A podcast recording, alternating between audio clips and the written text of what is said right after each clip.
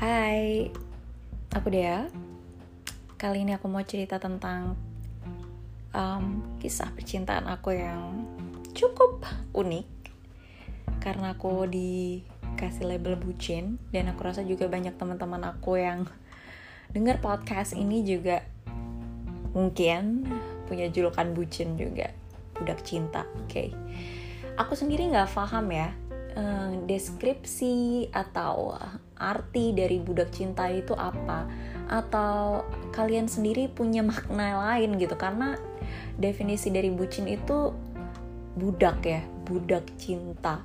Budak itu seperti diperdaya ya tidak bisa berbuat apa-apa dan it's all about love gitu. Jadi kesannya rugi gitu. Padahal kalau aku ambil sisi neg eh, sorry sisi positifnya aku ngerasa kayak aku setia gitu. I'm a loyal with this person. Jadi kayak aku nggak ngerasa keberatan kalau aku memang into this person. Tapi kok orang-orang bikin konotasinya jadi negatif kayak ih bucin banget sih lo. Ih lo tuh kayak nggak bisa ngapa-ngapain deh bucin banget lo gitu. But di podcast ini aku juga pengen sharing gitu pengalaman aku setelah aku di label bucin. Here's the story aku suka, oke, okay, aku lebih dari suka sama orang ini. Aku sudah menjalani hubungan ini selama mostly four years um, sampai sekarang. Nanti di November aku exactly four years. Dan aku ngerasa perjalanan ini nggak mudah gitu. Sampai pada titik di mana aku ngerasa mungkin aku tidak cinta, tapi aku merasa ini kebutuhan. Why? Because sometimes aku ngerasa kayak aku nggak terlalu butuh gitu. Tapi pada saat nggak ada aku ngerasa kayak oh my god I really need him. Aku bener-bener harus ditemenin. Aku sampai berpikir apakah ini definisi dari orang kesepian ya? Kesepian yang merana banget suffering banget sampai harus ada orang itu. Tapi aku berpikir oh berarti diganti sama orang lain bisa nih.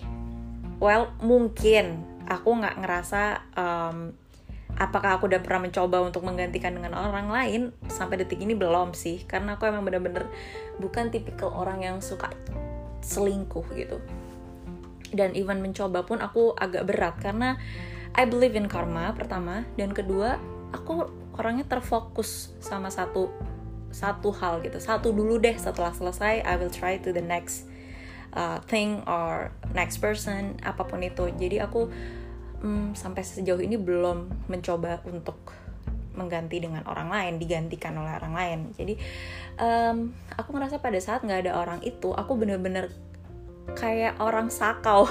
Aku padahal nggak tahu ya sakau gimana cuman kalau ngeliat di film-film orang yang sakau tuh menderita gitu. Dan aku ngerasa kayak hmm ada yang kurang nih. Padahal orang yang aku butuhkan itu nggak sepenuhnya memberikan kontribusi gitu di hidup aku. Cuman hal kecil itu uh, sangat berarti gitu.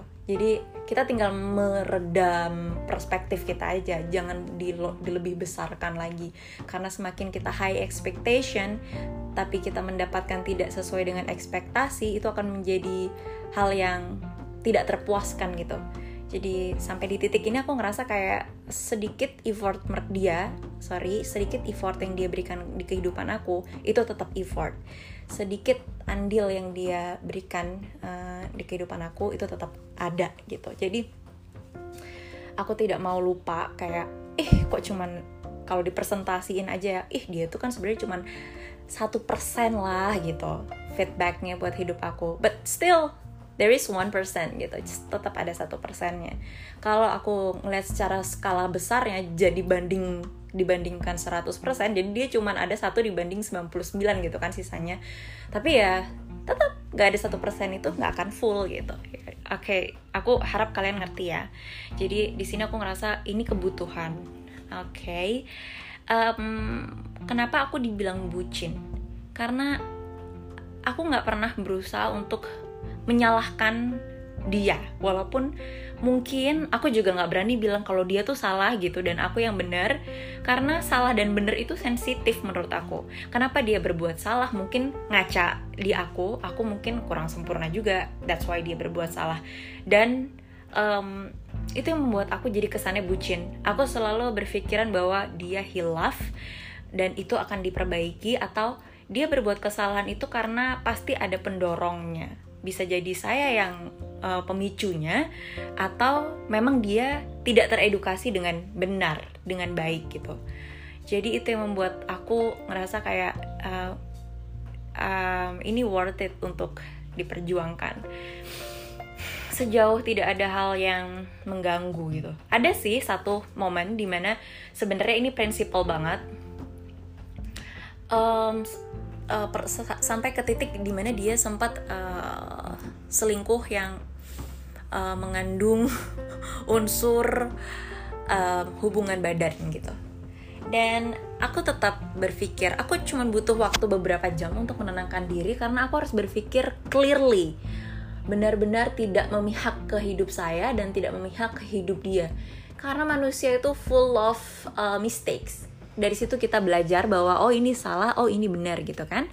Jadi aku berusaha kayak kalau aku uh, salah aku uh, kalau aku menempatkan diri aku di posisi dia pastinya aku akan merasa menyesal kalau di manusia normal gitu. Jadi pada saat aku merasa oh dia melakukan hal salah memang sakit banget ya di hati pada saat itu. That's why I need a moment untuk um, review dan harus gimana nih selesaikah atau kita coba lagi gitu ya dan aku berpikir untuk well hari ini dia melakukan kesalahan. Tidak terlepas mungkin di lain hari saya bisa melakukan kesalahan, bukan seperti yang dia lakukan, tapi manusia itu tadi punya banyak kesalahan yang sensitif gitu. Hal kecil aja kalau orang lain tangkapnya besar, kesalahan itu akan jadi besar gitu. Jadi gimana caranya aku tidak membesar-besarkan masalah yang memang sebenarnya besar. Jadi aku yang sendiri meredam masalah itu.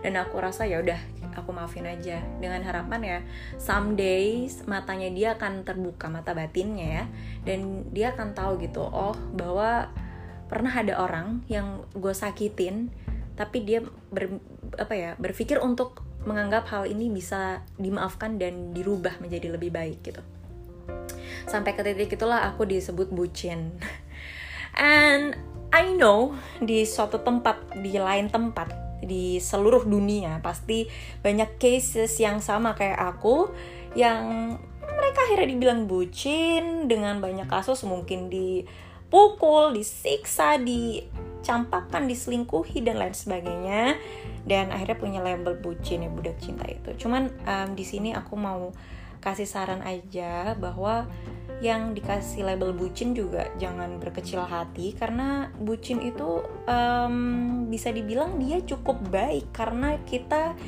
um, fokus gitu dengan satu orang tidak tidak berusaha untuk um, apa ya mencari-cari yang salah maksudnya kita masih bisa terima dan kita perbaiki gitu dan masih mau mencoba gitu. Yang harus uh, diantisipasi adalah lukanya bagaimana kamu bisa menyembuhkan luka yang terjadi akibat penerimaan yang kamu pilih atas kesalahan yang terjadi itu agar kamu tidak menjadi pribadi yang lain gitu tidak jadi yang merana kesepian atau menyalahkan diri sendiri. Because kalau kamu jadi bucin itu atas kemauan diri kamu sendiri kan? Jadi aku harap untuk yang dikasih label bucin kayak aku ya enjoy it. Karena aku yakin Tuhan gak akan tidur suatu saat nanti semua kata-kata bucin itu akan uh, apa ya berbalas kebaikan lah entah dengan pasangan kalian yang saat ini atau in the next uh, person gitu jadi I hope uh, this story bisa menjadikan inspirasi atau ada informasi yang bisa kalian ambil. Oke, okay, see you in next podcast. Post podcast. Oh my god, I'm still newbie. Um, okay. Thank you. Bye.